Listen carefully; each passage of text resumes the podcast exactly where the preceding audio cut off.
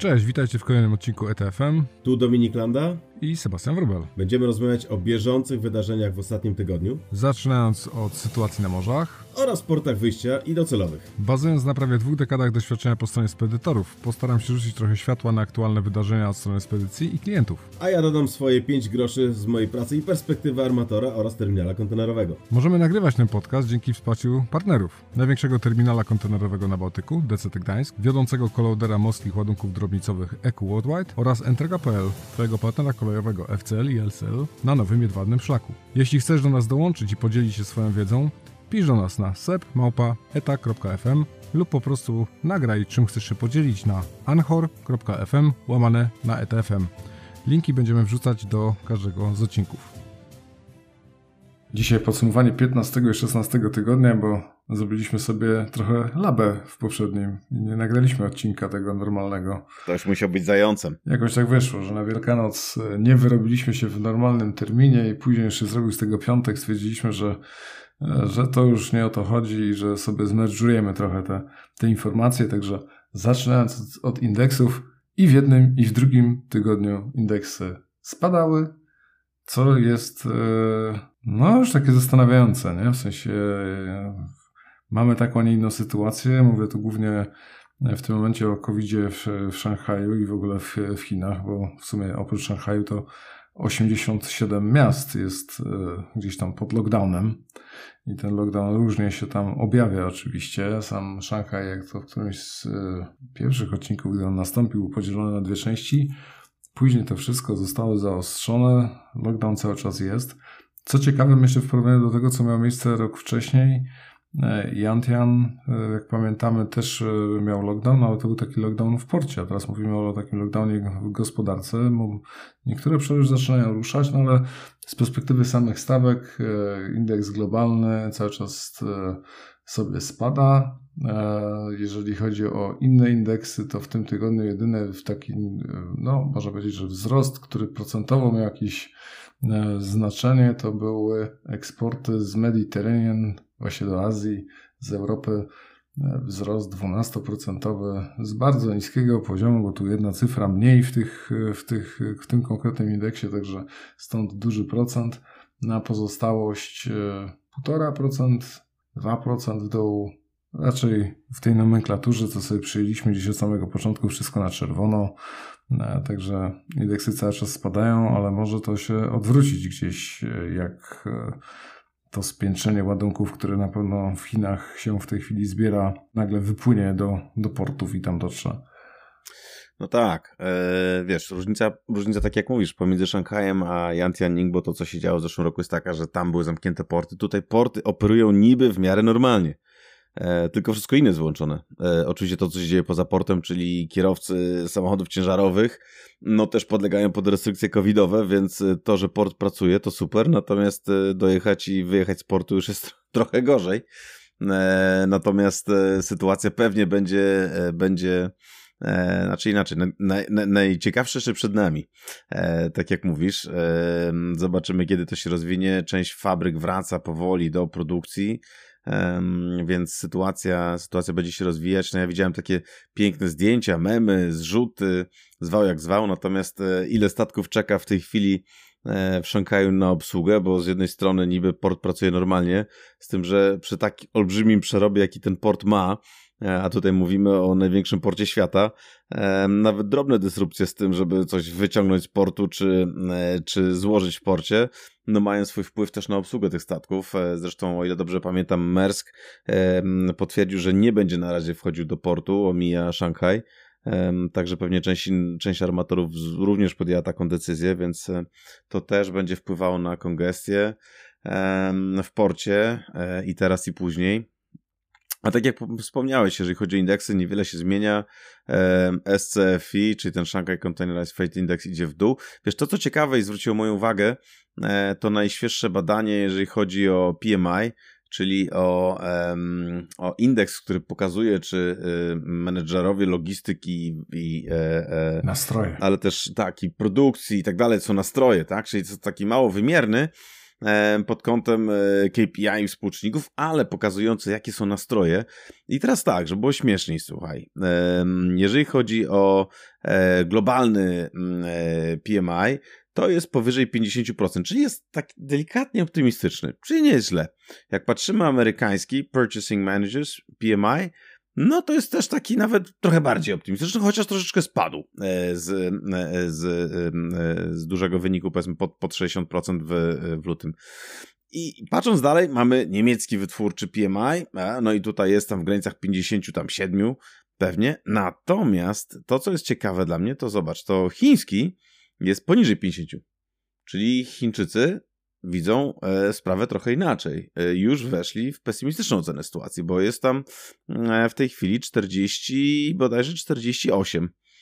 Czyli jest delikatnie negatywna ocena sytuacji. Czyli sytuacja w ocenie, w ocenie menedżerów będzie rozwijała się raczej w sposób negatywny. Czyli są pesymistami delikatnymi. Znaczy wiesz to, to, to tak myślę, że tu dobrze też dodać, że, że te z poprzedniego roku, jak, jak się popatrzy, jaka była średnia, no to również ta chińska była e, bardziej sceptyczna, w sensie tu nie było wartości ponad 60, one też ledwo ponad 50 wychodziły i 55 nie przekraczały, także, także myślę, że to trochę wynika pewnie z różnic kulturowych, o których może Małgosia w którymś z odcinku z e, zaproszą jeszcze kogoś i, i opowiedzą, tak, tak bym się trochę domyślał. No, myślę, że ciekawy to jest porównanie, że jednak większość z nich do zeszłego roku spadła. A zeszły rok no, też był z wyzwaniami, nie? To, to, to, to nie był stabilny rok. Także jeżeli mówimy o jakichś tam spadkach tych nastrojów już do roku, który w sumie e, pewnie jakbyśmy zobaczyli sobie na, na te słupki do, do roku, no nie wiem, do dwóch lat wcześniej, E, to, to byśmy mieli takie w pełni miarodajne porównanie, e, jak te nastroje mm. wyglądały, wyglądały kiedyś. No to w tej chwili w, w Chinach też się mówi o dużym spowoleniu już, nie? W tej chwili tak. ten wzrost gospodarczy sobie spada. Jest generalnie, zdaje się, duże niezadowolenie, z, no, chociaż rosnące niezadowolenie z tej polityki e, zero-covidowej, e, która no, daje się wszystkim we znaki aktualnie, także. No tak, E, I, I, widzisz, o ile my w Europie w tej chwili już właściwie to nawet nie pamiętamy, nie? O maseczkach, e, obostrzenia są zniesione, tylko tyle, że mamy certyfikaty covidowe i na dobrą sprawę życie wróciło do normy, aczkolwiek wróciło tylko i wyłącznie pewnie dlatego do normy, że mamy dużo większe problemy. E, ludzie giną za naszą wschodnią granicą, jest pełnoskalowa wojna. No i w tym wypadku, że tak powiem, grypopodobne objawy, które do tej pory spędzały sens powiek, są zdecydowanie mniej istotne dla wszystkich i ustąpiły miejsca temu, że musimy pomóc, ile mamy, 2,8 miliona zdaje się już uchodźców, prawda, z Ukrainy w Polsce. Także, no, także, także dużo się dzieje. No ja też tylko dodam, że jeżeli chodzi o bunkier i o ceny bunkru, to właściwie było, był moment, w którym zaczęło one spadać. E, są już, znaczy są, i tak są rekordowo wysoko, natomiast zaczęło one spadać i teraz znowu delikatnie, delikatnie znowu rosną. Także, także jest to ciekawe. Jeżeli chodzi o, o bunkier, no to jest jedna z, jedna z większych pozycji kosztowych armatorów. No i najwidoczniej jednak bunkier zaczyna się, e, że tak powiem, znowu umacniać. No zobaczymy na jak długo. Oby nie za bardzo się umocnił, bo e, to, co widzimy na naszych stacjach benzynowych i to, co, to, co generalnie e, widzimy, jeżeli chodzi o notowania ropy naftowej, niewiele ma wspólnego. bo jak ostatnim razem mieliśmy podobną, podobną relację E, że tak powiem, ceny baryłki ropy naftowej, e, e, to, to paliwo kosztowało zdecydowanie mniej, teraz kosztuje zdecydowanie więcej, mimo tego, że właściwie cena ropy naftowej jest bardzo podobna. Także tutaj główną miarę, że tak powiem, odgrywają podatki. No ale nic, zobaczymy jak sytuacja będzie wyglądać później. Serwisy, Sebastian. Co no, nowego? No powiem Ci, że w, w, serwisach e, ciekawe są porównania. Już, już kiedyś o tym rozmawialiśmy, ale temat gdzieś powraca w, w różnych opracowaniach, e, czyli w jaki sposób na Pacyfiku e, kształtuje się udział wolumenowy w tych, bym powiedział, głównych aliansów i, i, i nowych graczy.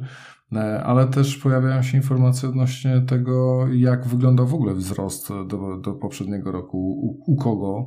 E, I co ciekawe, moją taką ciekawość sobie wzbudziło, że w, w tym graczem, który gdzieś tam największe te wzrosty e, na Pacyfiku. Właściwie to nawet nie na samym Pacyfiku, bo tu mówimy o relacji w tym momencie Chiny, e, Stany zachodnie i wschodnie, więc to jest również Suez, tak de facto, jeżeli chodzi o sam szlak, którym jest operowane, ale że jednak największe wzrosty Mersk. Nie? I to, patrząc z perspektywy Transpacyfiku i zachodniego wybrzeża o 60% wzrostu, a o 29% na, na East Coast, e, gdzie ja tak, no wiesz, nawet, nawet patrząc na tego o, poprzedniego króla, no to tak, wiesz, no nie, niekoniecznie ich wiązałem nigdy z, z jakąś taką strategią pro e, amerykańską, jeżeli chodzi o, o trade i, i fokus rozwoju na, na przyszłość, a tu jednak bardzo duży E, duży e, udział i widać, że duże wzrosty na tym kierunku. Oczywiście to był jeden z takich pierwszych mocno profitowych, nie? To trzeba sobie powiedzieć, że e, tam wszyscy się pchali, bo dało się na tym zarobić przez, przez właściwie całą pandemię, bo, bo to był pierwszy taki trade, który mocno zaczął rosnąć i pamiętamy jeszcze niedawno, jak pojawiały się informacje, że na Transpacyfiku 40-20 tysięcy dolarów e, przekroczyła, to wszyscy się chwytali za głowę, nie? Już tak bardzo mhm. mocno. No i oprócz tego e, to, co też e, wzbudziło moje zainteresowanie, jeżeli chodzi już o sam serwisy, ale nawet nie, nie o tyle serwisy, co działanie aliansów, że e, są aliansy, w których coraz więcej się gdzieś tam operuje poza aliansem. I tym, tym aliansem, który największą uwagę zwraca, jest 2M. Bo zarówno MSC, który tu bije wszelkie rekordy, 67% capacity MSC chodzi poza aliansem 2M. No, przeraźliwie dużo, no przecież to jest prawie dwie trzecie, nie? Cóż, e, wiesz, wynika to pewnie... Znaczy właściwie to ponad dwie trzecie.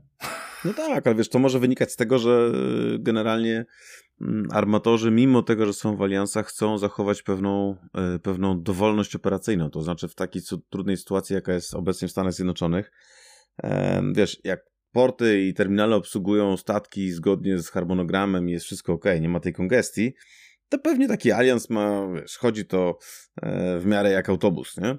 Ale w momencie na przykład, kiedy któryś z członków aliansu na przykład jest właścicielem jakiegoś terminala, e, na przykład, do którego akurat alians teraz nie chodzi, powiedzmy, albo mógłby chodzić bardziej, no to automatycznie e, armatorzy pewnie dyskutują między sobą i mówią, dobra, to możemy mieć takie private calls, czyli te, które są wyjęte spoza, e, spoza normalnej siatki połączenia aliansu i takie połączenia realizują. Poza tym też, y, że tak powiem, to, że MSC ma 67%, to jest bardzo dużo, ale wiesz, równie dobrze może na przykład mieć łączone serwisy z CMA-em, który jest mistrzem, jeżeli chodzi o taki, e, e, o slot sharing agreement, nie? Mm, e, czy też, czy VSA-e, i może się okazać na przykład, że Allianz Alliansem, czyli powiedzmy tam na tych głównych tradeach trzech, gdzie powinno właściwie e, to wyglądać tak, że MSC zawsze pływa z Merskiem, może się okazać, że w niektórych sytuacjach e, wcale te alianse nie mają takiego wzorowania właśnie w obsłudze po niektórych rynków, nie?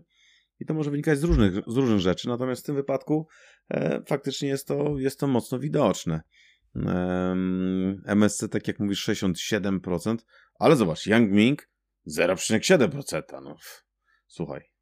To wiesz, to, to, no. to, trzeba docenić. Zobacz, co ciekawe. ONI, które z tym samym, które z tym samym aliansie i Hapag Lloyd mają najniższy współczynnik. No i HMM, prawda? Zobacz, 5,4, tak. 4,8, 3,1. Czyli wygląda na to, że D-Alliance bardziej trzyma to wszystko w ryzach, no, a że tak powiem 2M pozwoliło sobie na pewną dowolność. Nie? Mimo tego, że partnerów jest tylko dwóch, także teoretycznie łatwiej ich przypilnować niż no, na przykład kilku. W D-Alliance nie było też takich wzrostów floty, jaką realizuje MSC, nie? No tak. Także pewnie na, no nadpodaż y, capacity nie występowała, bo ja do końca nie wiem oczywiście, które alianse jak mm mają te umowy podpisane. Fakt. No ale domyślam się, że to są wartości raczej już konkretnie liczbowe, a nie procentowe, więc jeżeli któryś z linii ma większą podaż przestrzeni, no to po prostu sobie ją realizuje rynkowo gdzieś indziej, nie? Mm. No tak, a ma już tam podpisaną jakąś konkretną wartość, nie? Na, nie wiem, chociażby operowanie ilością statków w lupie, nie? Czy wiesz, alians aliansem, ale jednocześnie, nie? E, że tak powiem, tutaj utylizować swoją, e, swoją flotę trzeba, nie? No dokładnie, dokładnie. No powiem Ci, że tak patrząc jeszcze tutaj na, na serwisy blisko nas, no to Hapak e, Lloyd dodał sobie do tego swojego połączenia e, NBS, e, czyli Beneluxowego, dodał sobie jeszcze te, Tallinn i Kotkę. A tak. Czyli to do, do Helsinek w sumie, bo tam jeszcze wcześniej był Sankt Petersburg, który wypadł. z oczywistych względów. No i w tej chwili została zmniejszona ilość jednostek z 3 do 2. No i została, została dodana ta linkotka do serwisu. A widzisz, a ja się pochwalę, że e, jak byłem w Talinie dwa tygodnie temu, to akurat miałem okazję widzieć e, Milan Express, który stał przy kei e, terminala HHLA w Talinie. Także, mm, także od razu mi się tak zrobiło cieplej na sercu, że nie tylko to czytam, ale też i widzę w wiadomościach. Także jest to bardzo, bardzo ciekawe. No statki mają dwa, dwa, około 2-4 tysiąca TIU, także całkiem duże jak na fidery, prawda? Na Bałtyku. No, no tak, no. Nie da, nie da się ukryć. Mm. Ty... No mam jeszcze jeden serwis bodajże z Hapaga, nie? E, CGX. No tak, ale CGX, CGX to, to wypad z Hamburga do Wilhelmshaven. E, taka jest tutaj tak zmiana, jest, tak ze względu na oczywiście CGX, obłożenie. China Germany Express. Tak. No, tak jest. No to widzisz, że tutaj, czy jednym słowem, tutaj e, pierwsze, pierwsze zapowiedzi Hapag Lloyd, który przejął część udziałów w Wilhelmshaven, zaczyna powoli ten swój terminal nowy i port zapełniać, nie? No bo do tej pory Wilhelmshaven to tak, no, tak powiem, na pewno operował poniżej tego, czego, co sobie zakładali e, pierwotni ojcowie założyciele. No, e, że tak powiem, wiatr o, Oficjalnie mówi się, że zbyt wysokie obłożenie placu, które jest oczywiście, jak sam wielokrotnie już opowiadałeś, dlaczego e, kłopotliwe do utrzymania hmm. wysokiej wydajności, jest głównym powodem. Zostali zmuszeni no do tak. tego, żeby przenieść no się tak. do Wilhelmshaven. No tak, to, to, to, to prawda. Niestety właściwie wszystkie porty duże europejskie w tej chwili mają problemy. E, łącznie z Gdańskiem, który też notuje bardzo wysoki poziom e, kontenerów e, składowanych i pustych i, i pełnych.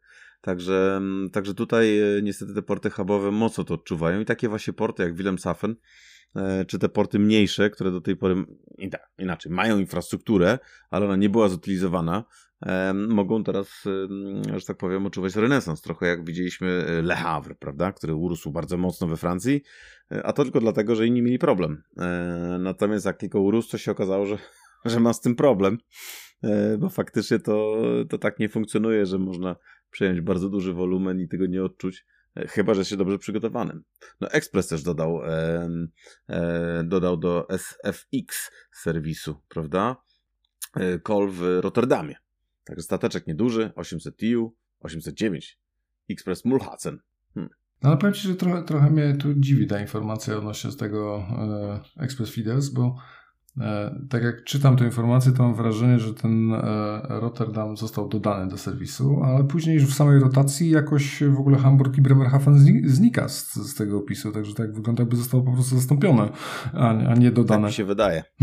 Tak jest. Wydaje mi się, że to po prostu taka drobna, drobna edycyjna y, taka poprawka, że tak w sumie ta zmiana polega na tym, że dwa porty zostały wyrzucone i pojawił się Rotterdam, ale to pewnie też jest taka zmiana czasowa.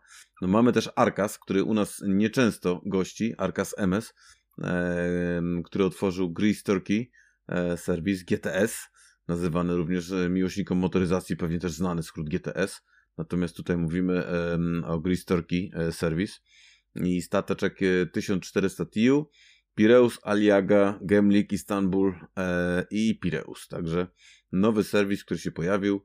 E, kolejny mamy Akkon Lines, także e, tutaj mamy znowu serwisy pomiędzy Turcją a Północną Afryką.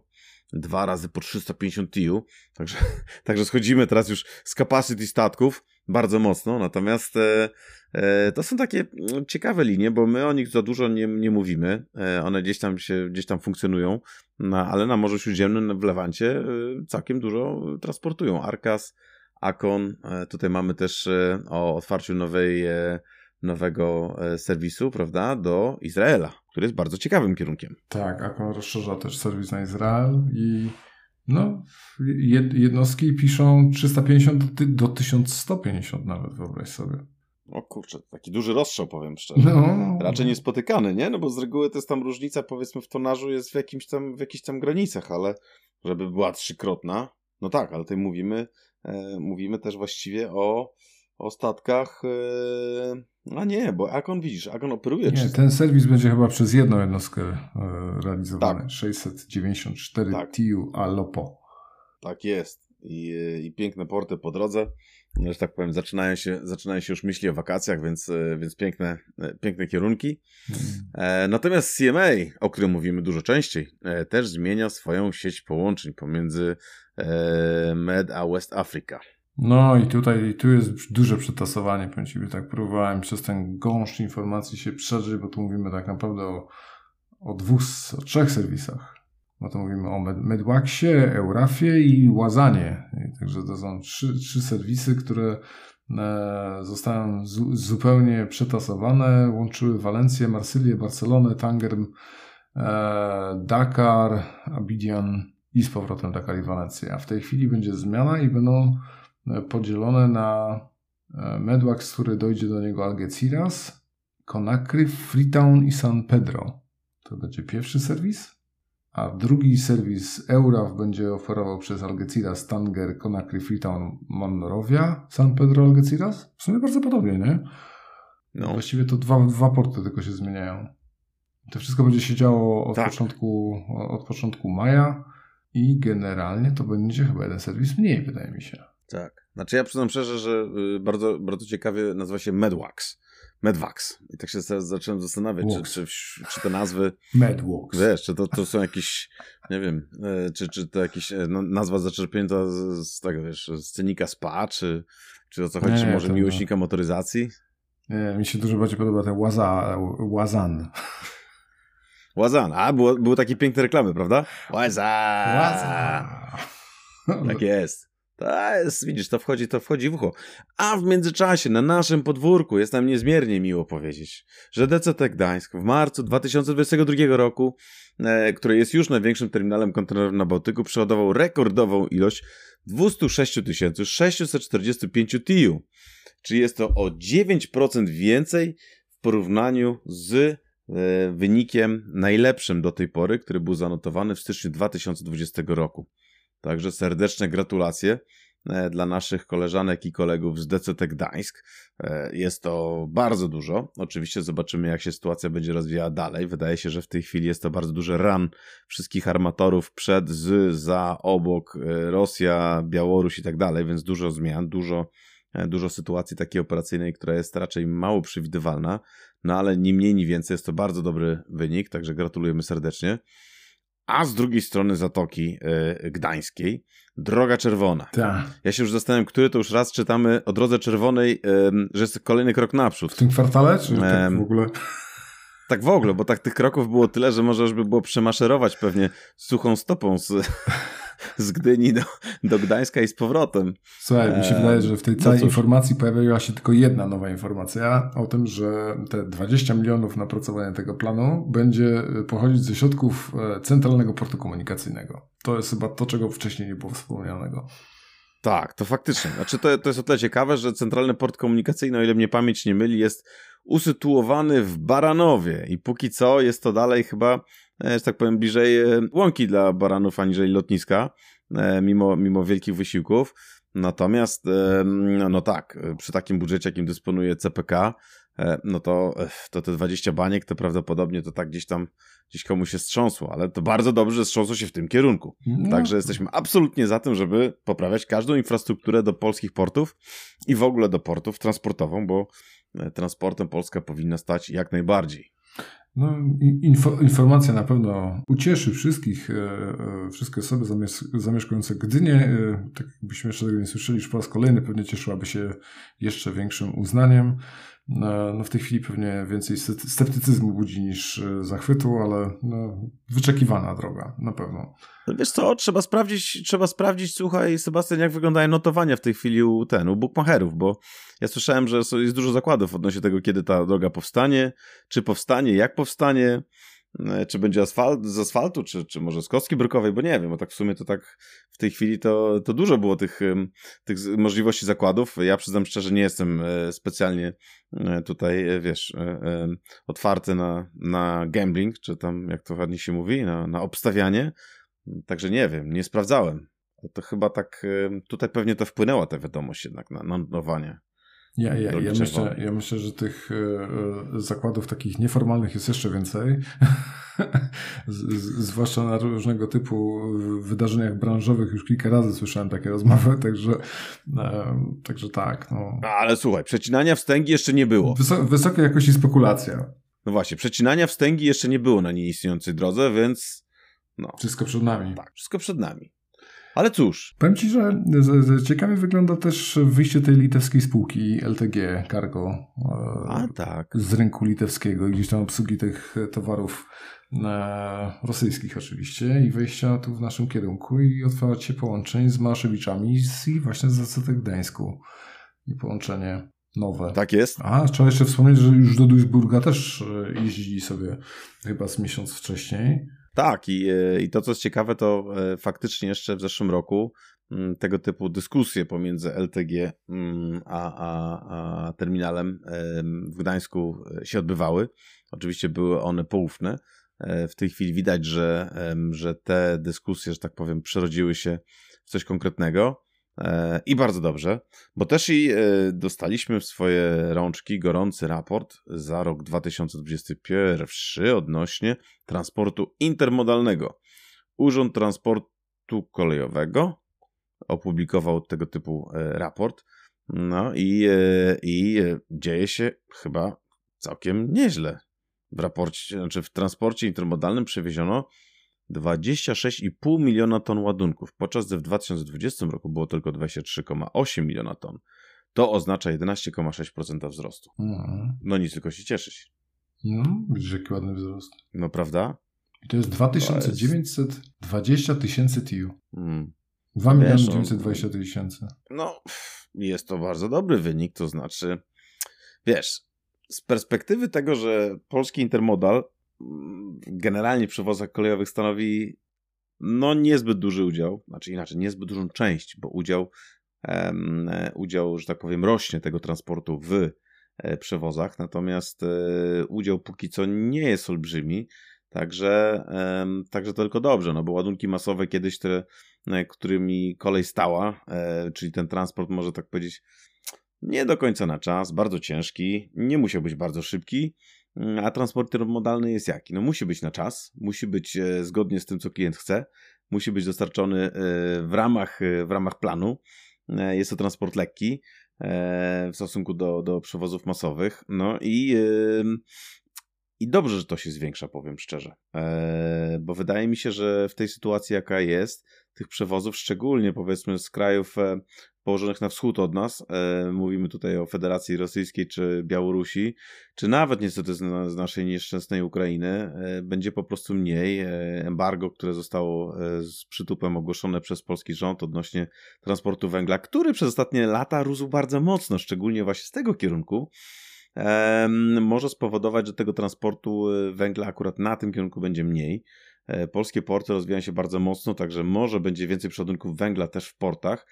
Także de facto, cóż, wygląda na to, że może się troszeczkę zmienić raz, że udział, a dwa, że intermodal, e, intermodal generalnie e, jest jedną z rzeczy, która w tej chwili jest wpisana w, w plany w plany Komisji Europejskiej. Mówimy o Fit for 55 i całej reszcie projektów, które mają się zwiększać.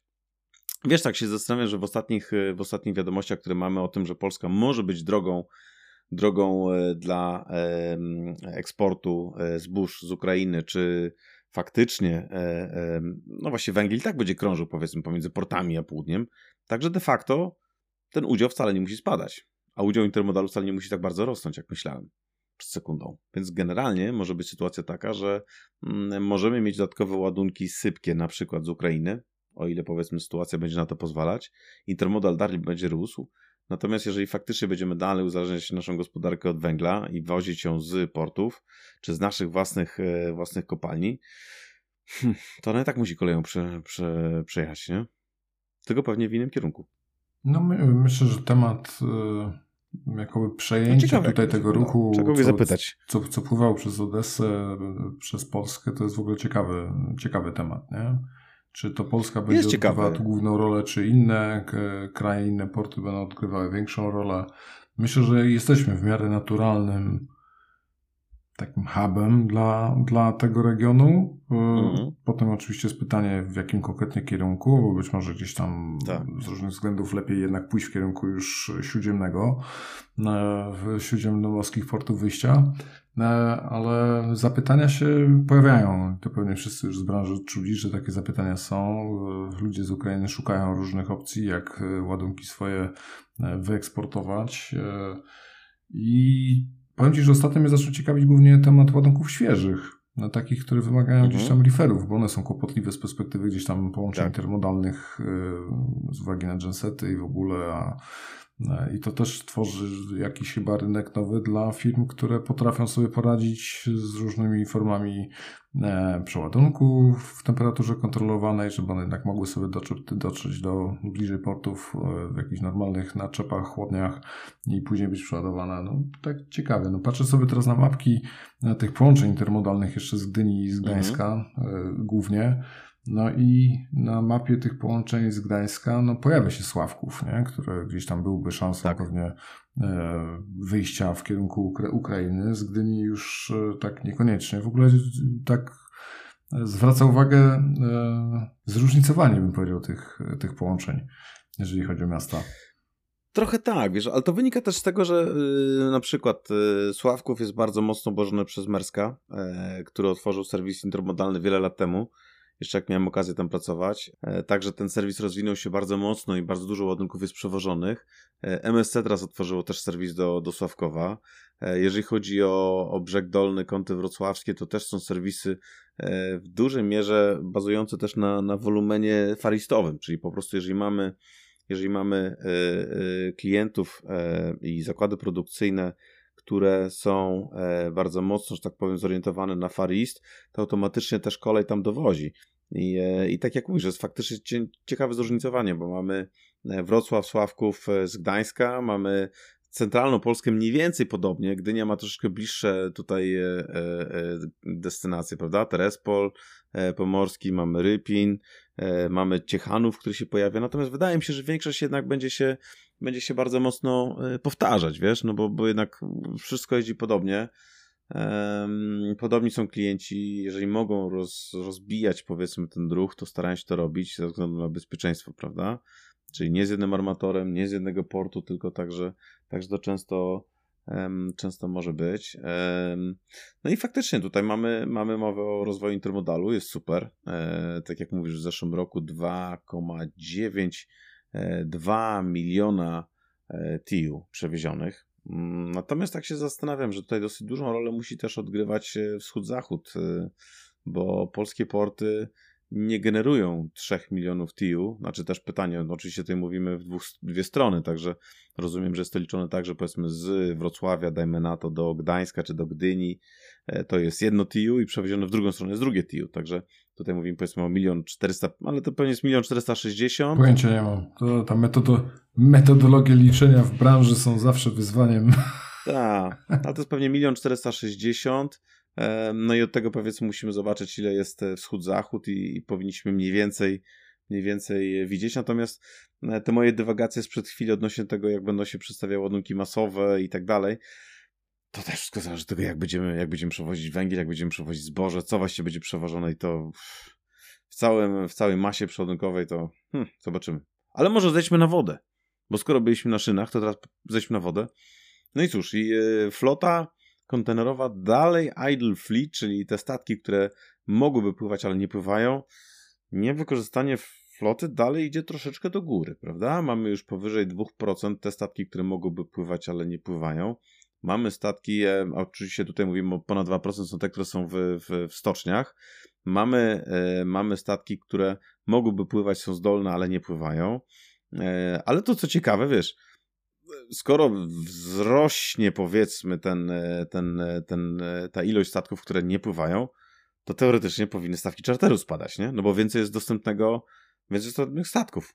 No. A stawki czarteru tak powiedzmy się utrzymują na podobnie horrendalnie wysokim poziomie, nie? No bo te największe statki są powyżej, powyżej 8,5 tysiąca TIU, chociaż de facto powinno być już jeszcze wprowadzone pewnie tak około 20 tysięcy TIU. Pytanie, czy one są tak w takim free floatie, że można je wyczarterować, to jest inna rzecz. Natomiast 155 tysięcy dolarów za dzień? No, tak tu ktoś podsumował z analityków e, dosyć ciekawie, że ten cały charter market jest w tej chwili na e, czekam i zobaczymy, co będzie. No chyba tak. I właściwie nic się nie zmienia. To, co teraz powiedziałeś, to były stawki 12-miesięczne, właściwie tylko te 1000 TIU trochę spadło. Na, mhm. Co w sumie też już gdzieś tam tak e, hipotetycznie nawet stawialiśmy z perspektywy zwolnienia się tych e, jednostek z Bałtyku, nie? obsługujących gdzieś tam e, mhm. dalej Rosję, że to, to już powinno tak. tą sytuację zmienić właśnie w ten sposób, że one powinny stanieć. No, być, być może to jest jeszcze właśnie efekt e, tego. No. No. Cała reszta stoi na wysokim, mega wysokim poziomie, ale stoi. No ale jak widzimy z no kolei, tak. jeżeli chodzi o sprzedaż i, i, zakupy i nowe zamówienia, no to tu się cały czas dużo dzieje, zwłaszcza u kolegów e, pod e, e, żółtą flagą z napisem Mediterranean, to już widzimy chyba działania w każdym możliwym obszarze, bo są i zakupy z drugiej ręki, e, wciąż kontynuowane, bo w tej chwili gdzieś tam e, pojawiła się nowy zakup e, od SIDS Davao 2,5 tysiąca TU i są jednostki, które wchodzą na wodę, w tej chwili już zakupione. MSC Eugenia ładnie, ładnie nazwana, 12 tysięcy TU. To jest ciekawa historia w ogóle z tą stocznią, bo tak ona schodzi z tego Jiangsu e, Yangjiang czy Shipbuilding i w bardzo krótkim czasie, a to dlatego, że to jest e, sama ta jednostka, jest rozwinięciem już jednostki, która była wcześniej produkowana, w sumie od 2013 roku razem z C-SPANem w sumie była rozwinięta mhm. i stąd bardzo krótki okres w sumie w tej chwili pomiędzy złożonym zamówieniem a, a wyjściem w wodę. No, no ale patrząc dalej, zamówienia na, na nowe jednostki z MSC też mają się bardzo dobrze, także aktualnie 6 ośmiotysięczników e, na LNG co w sumie we flocie MSC też za dużo ich nie widzieliśmy do tej pory, e, sobie e, już złożone zamówienie i jeszcze już trwają dywagacje tutaj odnośnie kolejnych zamówień, 14 sztuk siedmiotysięczników też na LNG. Tak. Także... Ale widzisz, ale to co mówisz odnośnie MSC, że nie było widać, ale na przykład w nowych, e, w orderbooku tych e, nowych stateczków, które mają być, e, mają być, że tak powiem, tutaj produkowane, no to mamy tak, zamówienie MSC, które opiewa na milion dwieście tysięcy TU, z tego ponad 400 tysięcy grubo jest już na LNG, nie? W CMA-u mm. zamówienie na 400 tam powiedzmy 50 tysięcy, a tu prawie większość, no tam 300 powiedzmy 80 tysięcy jest na LNG. Tak samo Hapak, e, Lloyd, no troszeczkę mniej, ale mimo wszystko też bardzo duży udział, Zim tak samo. No Mersk się tutaj wybija z tym swoim metanolem. No, e, gdzieś pojawia się jakiś tam taki... No tak, tak, tak. Także tutaj to pil wszystko właściwie w LNG. No i e, co ciekawe, zobacz, Evergreen nic w LNG, nic w paliwach alternatywnych, tak samo Costco. Także wydaje się, że azjatycy karierzy... No i ONI też nul. Tak, no patrzę na, na, na te paliwa raczej zwykłe. No to jest ciekawe dosyć. No ale cóż, e, że tak powiem, czas pokaże, jak to mówią, nie? Prawda czasu, prawda ekranu, prawda? E, jak powiedział pewien, pewien znany ktoś e, w polskim filmie. Widzisz, no ale cóż, na, na Ukrainie. W zachodnim Pacyfiku chyba lepiej tam wywiewa te wszystkie e, nieczystości z kominów i jakoś tak mniej się do tego e, przykładają wagę azjatyckie linie żeglugowe. No tak. Ja myślę, że tu ba Bałtyk i Północne Morze było zawsze takie bardzo rygorystyczne pod tym względem już od wielu, wielu lat. No, masz rację, to na pewno też ma wpływ. Ale słuchaj, przejdźmy do portów, bo, y, że tak powiem, już omawiamy, co prawda jest dwutygodniowe wydanie, ale, ale mamy tak. Na Ukrainie sytuacja. 84 statki e, w portach ukraińskich nie mogą ani wypłynąć, ani wpłynąć, ani nic zrobić. Mamy ponad 500 y, marynarzy, to są ci, którzy jeszcze zostali na statkach, mm, ale 1500 zostało już ewakuowanych, także, także sytuacja jest raczej niewesoła. Z tego co wiem, żeby było śmieszniej, to słuchaj, okazuje się, że Oczywiście porty od strony wody nie pracują, no bo nie mają co zrobić. To, co miały wyładować ze statków, to wyładowały, to, co załadować, to załadowały.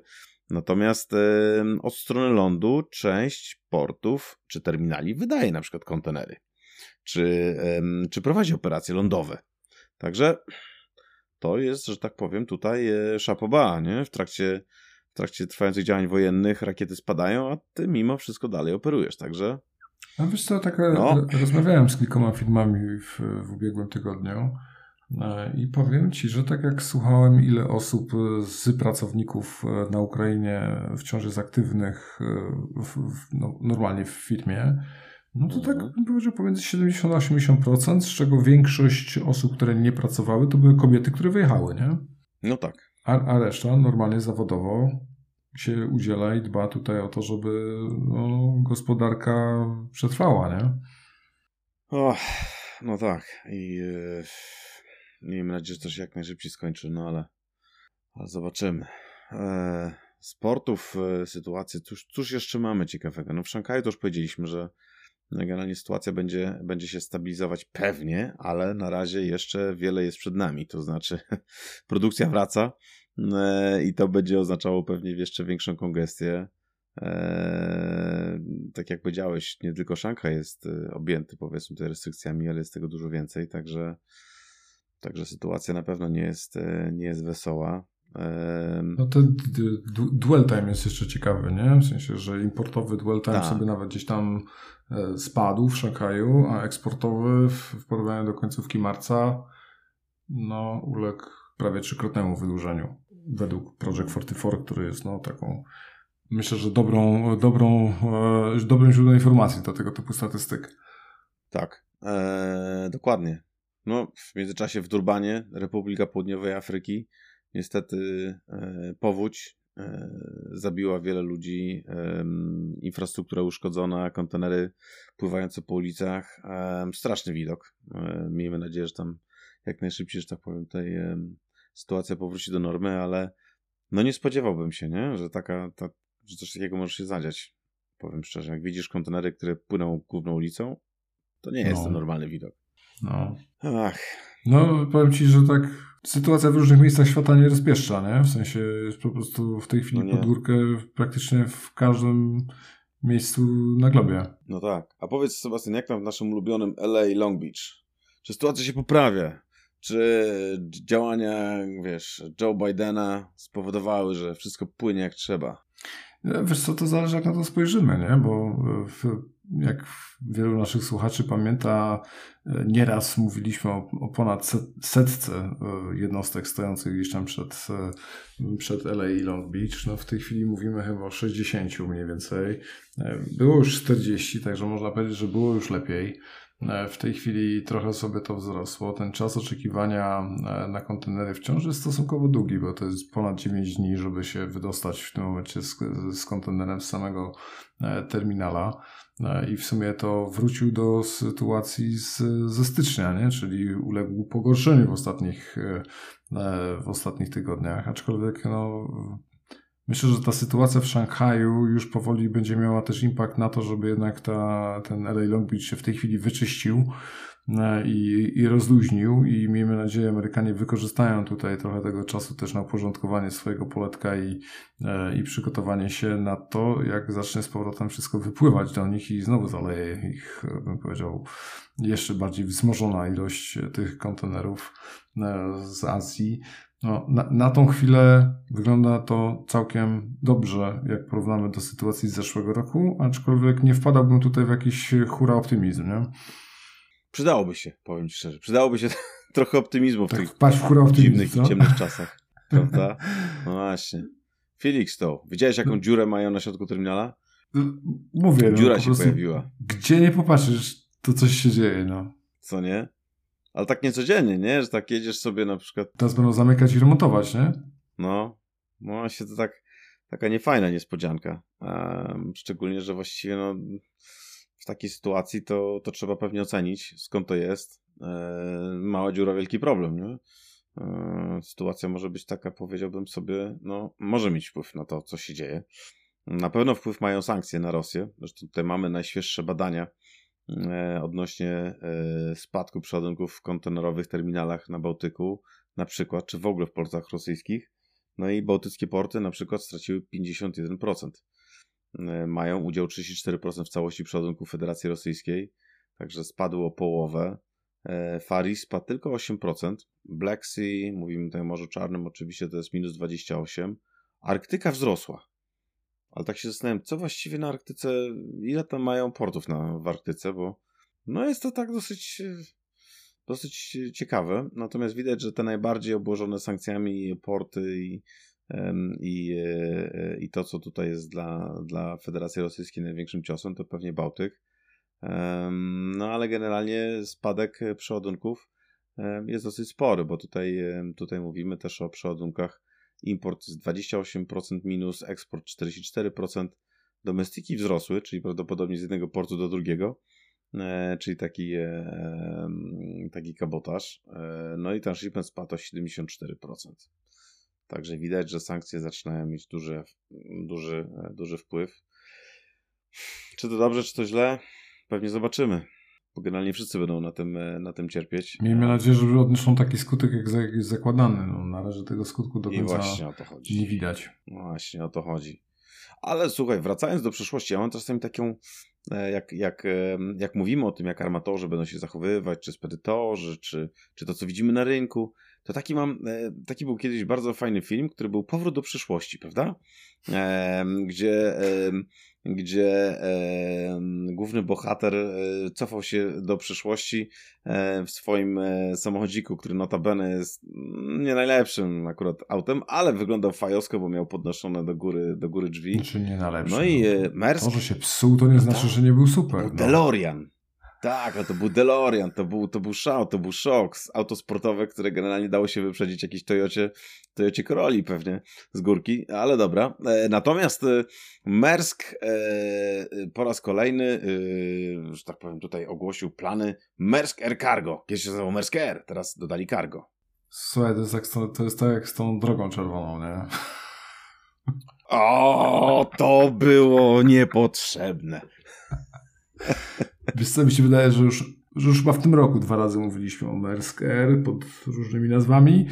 E, teraz e, nawet pamiętam, że zostało nam e, słusznie zresztą gdzieś tam w social mediach przypomniane, że, że coś takiego jak Maersk Air już było pod nazwą Air. No, było, było, było. Potem zniknęło, później zmieniło nazwę, potem było chyba Star Air, czy Air Star, coś takiego. E, teraz wraca e, jako Maersk Air Cargo. Ale to ciekawe, nie? Na przykład jak wymyślasz takie nazwy, które już, już gdzieś tam, wiesz, jak z filmami. Ja najbardziej lubię te filmy, które już kiedyś widziałem. To na przykład jest e, pewnie taki gościu od nas w takiej dużej korporacji, na przykład wywala takie puzzle i tak wyciąga i mówi tak, dobra, musi być R, musi być, musi być na przykład nazwa firmy, musi być cargo, i później dodajemy jeszcze kilka innych rzeczy, nie? I tak na przykład robią taki szachermacher i wychodzą im różne nazwy na przykład. I to tutaj akurat nie, nie odnosi się tylko i wyłącznie do Merska, ale dużo jest takich, nie? Takich bardzo ciekawych e, e, nazw, które się pojawiają w tym czasie.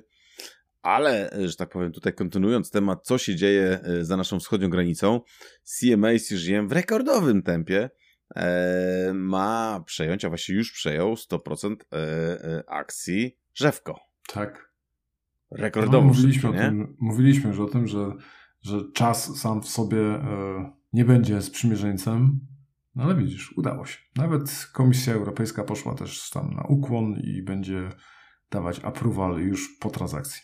O, no i pięknie. Jak się chce, to się można. Znaczy, to można, nie się można. Tak, także w tej to chwili Rzew, Rzewko będzie wchodzić na już, e, można powiedzieć, wytyczony szlak przez Siver. No. No właśnie, no i, i, widzisz, i tak, tak jakby pod koniec doszliśmy do tematu, ile można zarobić, no i OCL wydał kolejną informację o tym w pierwszym kwartale zarobił. No i 5,1 miliarda mają przychodów. Gratulujemy. E, pewnie pozostali armatorzy też mają świetne wyniki. No, rekordowe. A, no właśnie. Także tutaj to jest tak. I, I tak z pozytywów nawet e, Ever Forward e, już pływa. Znaczy. A, do, ever do, forward, do... ever floating. nie no. Ale musieli odbudować 500, 500, jak to mówią? 500 już chciałem powiedzieć. Nie, nie, ale do 500 kontenerów. Ale Także, widziałeś te, te, te, te, udało się. Widziałeś te, te dźwigi na tych e, jednostkach? Tak, tak, tak. Tak, tak. No cóż. Cóż, 500, e, 500 ważne, że już... 500 boksów zeszło. Co my tak z tym 500 TU? No patrz, no. Eee, sentyment. To tak ten, to tak. Sentyment i tak, wiesz, taka, taka, taka pozytywne wibracje, nie? No właśnie, ale były jeszcze trzy wypadki niestety. Hmm. Pożar w ładowni statku CMA CGM Lisa Marie e, także na szczęście nikt nie ucierpiał w Port Kelang. Właściwie to nie, to statek, statek płynął z Jeddah do Port Kelang, także to mamy niestety kolizję statku 1400 TU Haiyan City e, z tankowcem, mm, także Także też tutaj e, sytuacja taka. W Zatoce Bengalskiej. Tak, w Zatoce Bengalskiej. E, dwie ładownie zostały zalane, także, także sytuacja też niewesoła. No i znowu pożar. To chyba jest taka najgorsza rzecz, jaka może się statkowi zdarzyć, nie? Na wodzie pożar. Wielokrotnie słyszałem. I tutaj generał Romulo. 500 TU statek niestety, niestety mm, złapał. Jednak 500 TU.